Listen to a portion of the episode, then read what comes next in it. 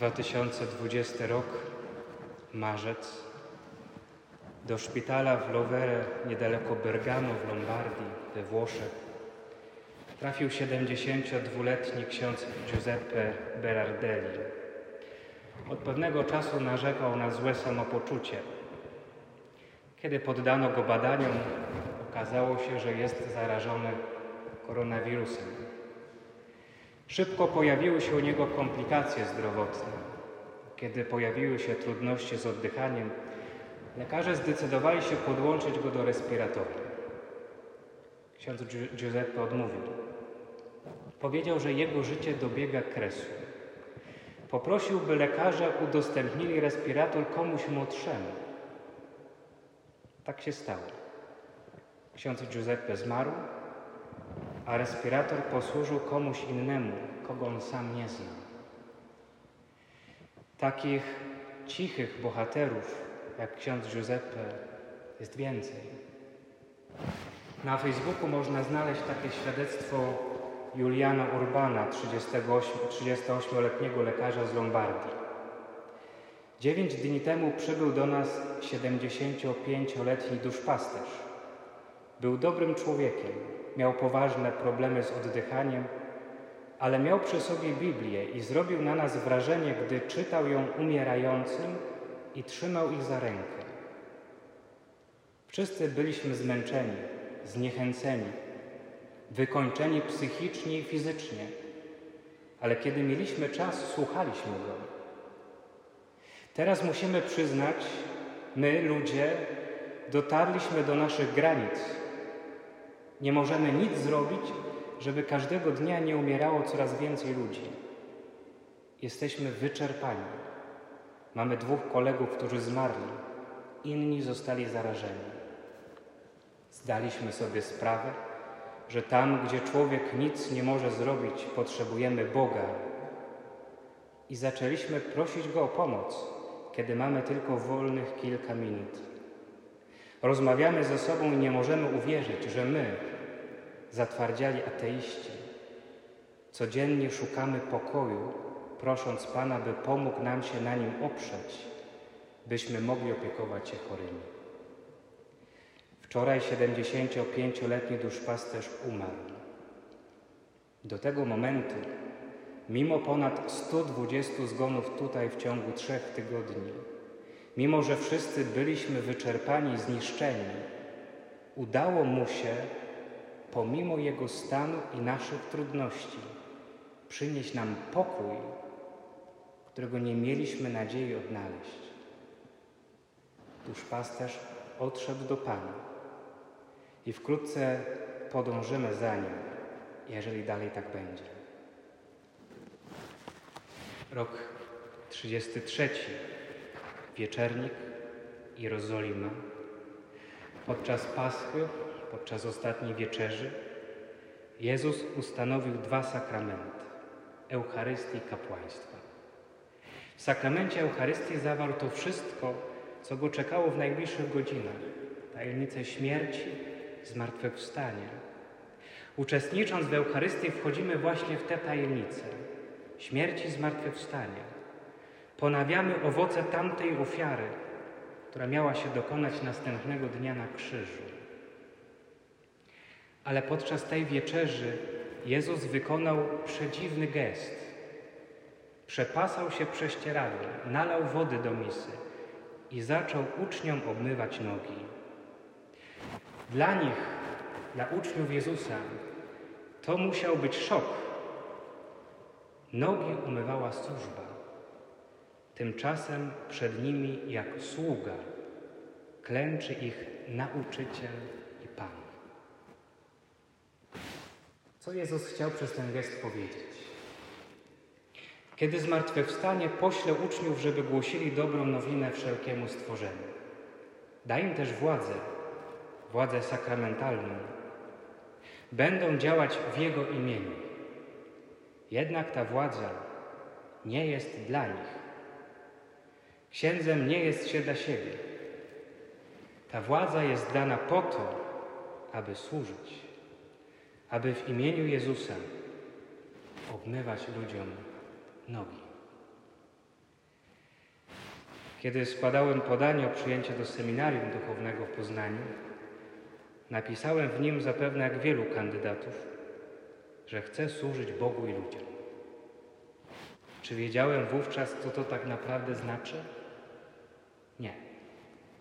Tak jak i Piotr w wieczerniku nie rozumiał wymowy tego znaku, obmycia nóg. Zrozumiał później.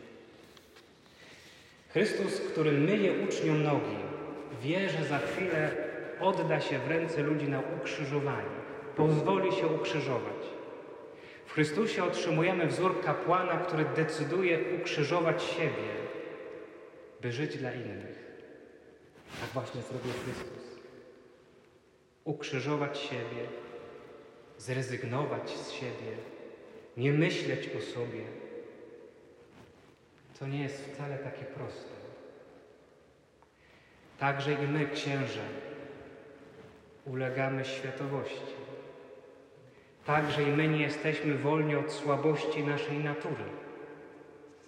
Tak jak wiele osób, którym dana jest jakakolwiek władza, chociażby władza rodzicielska, musimy walczyć o to, abyśmy ją sprawując nie czynili tego ze względu na siebie, nie dla własnych profitów, ale dla innych, jako słudzy. Być może, kiedy sprawujemy dzisiaj tę liturgię, wspominając ustanowienie Eucharystii kapłaństwa w pustym kościele, bez Was, bracia i siostry, to jest to dla nas okazja, by uświadomić sobie, że jesteśmy tym, kim jesteśmy właśnie dla Was.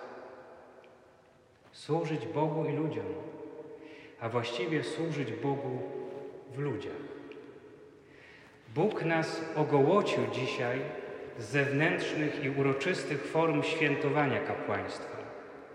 Być może właśnie po to, żebyśmy wrócili do korzeni, do naszej tożsamości, tożsamości sługi, który, odwołując się do słów odnowienia przyrzeczeń kapłańskich, chce coraz ściślej jednoczyć się z Chrystusem Najwyższym Kapłanem i razem z Nim samego siebie poświęcać Bogu za zbawienie ludzi. Ten zupełnie inaczej przeżywany początek Triduum Paschalnego może też sprawić, a nawet chciałbym, żeby sprawił, abyśmy za sobą zatęsknili. Zatęsknili za wspólnotą, która gromadzi się na liturgii. Zatęsknili do codziennych spotkań, rozmów. Być może dotychczas wielu z nas nie miało ze sobą większego kontaktu. Może baliśmy się albo nie chcieliśmy do siebie podejść.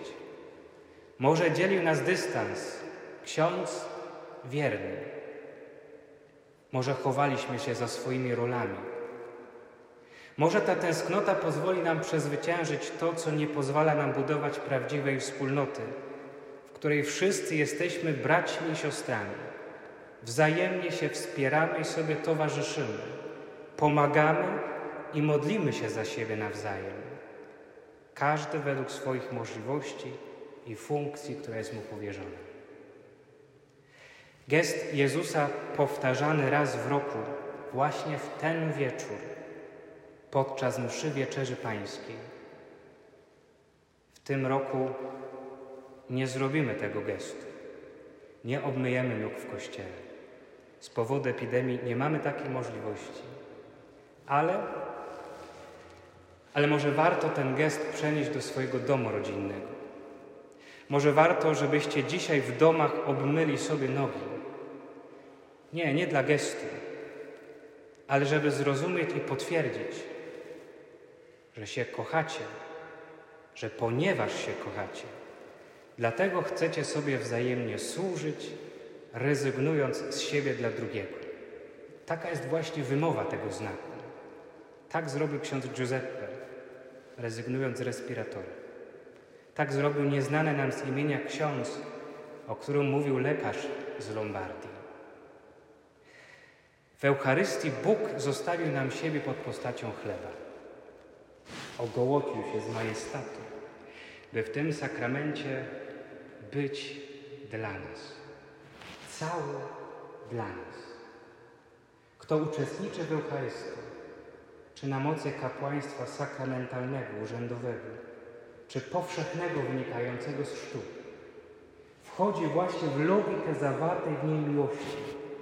Miłości, która rezygnuje z siebie, by być dla drugiego.